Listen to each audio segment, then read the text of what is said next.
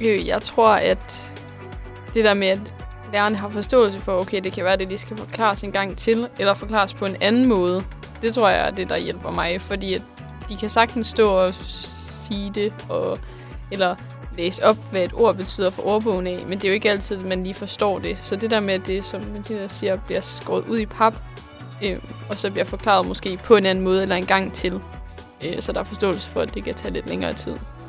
Når du siger på en anden måde, mener du så ligesom med nogle andre ord? Ja. Eller? ja okay. Øhm, måske at man omformulerer det, man siger. Øhm, og så hjælper det virkelig meget at sætte et, et eksempel på, så man kan se det i virkeligheden. Eller ja, sætte det lidt ind i det virkelige liv.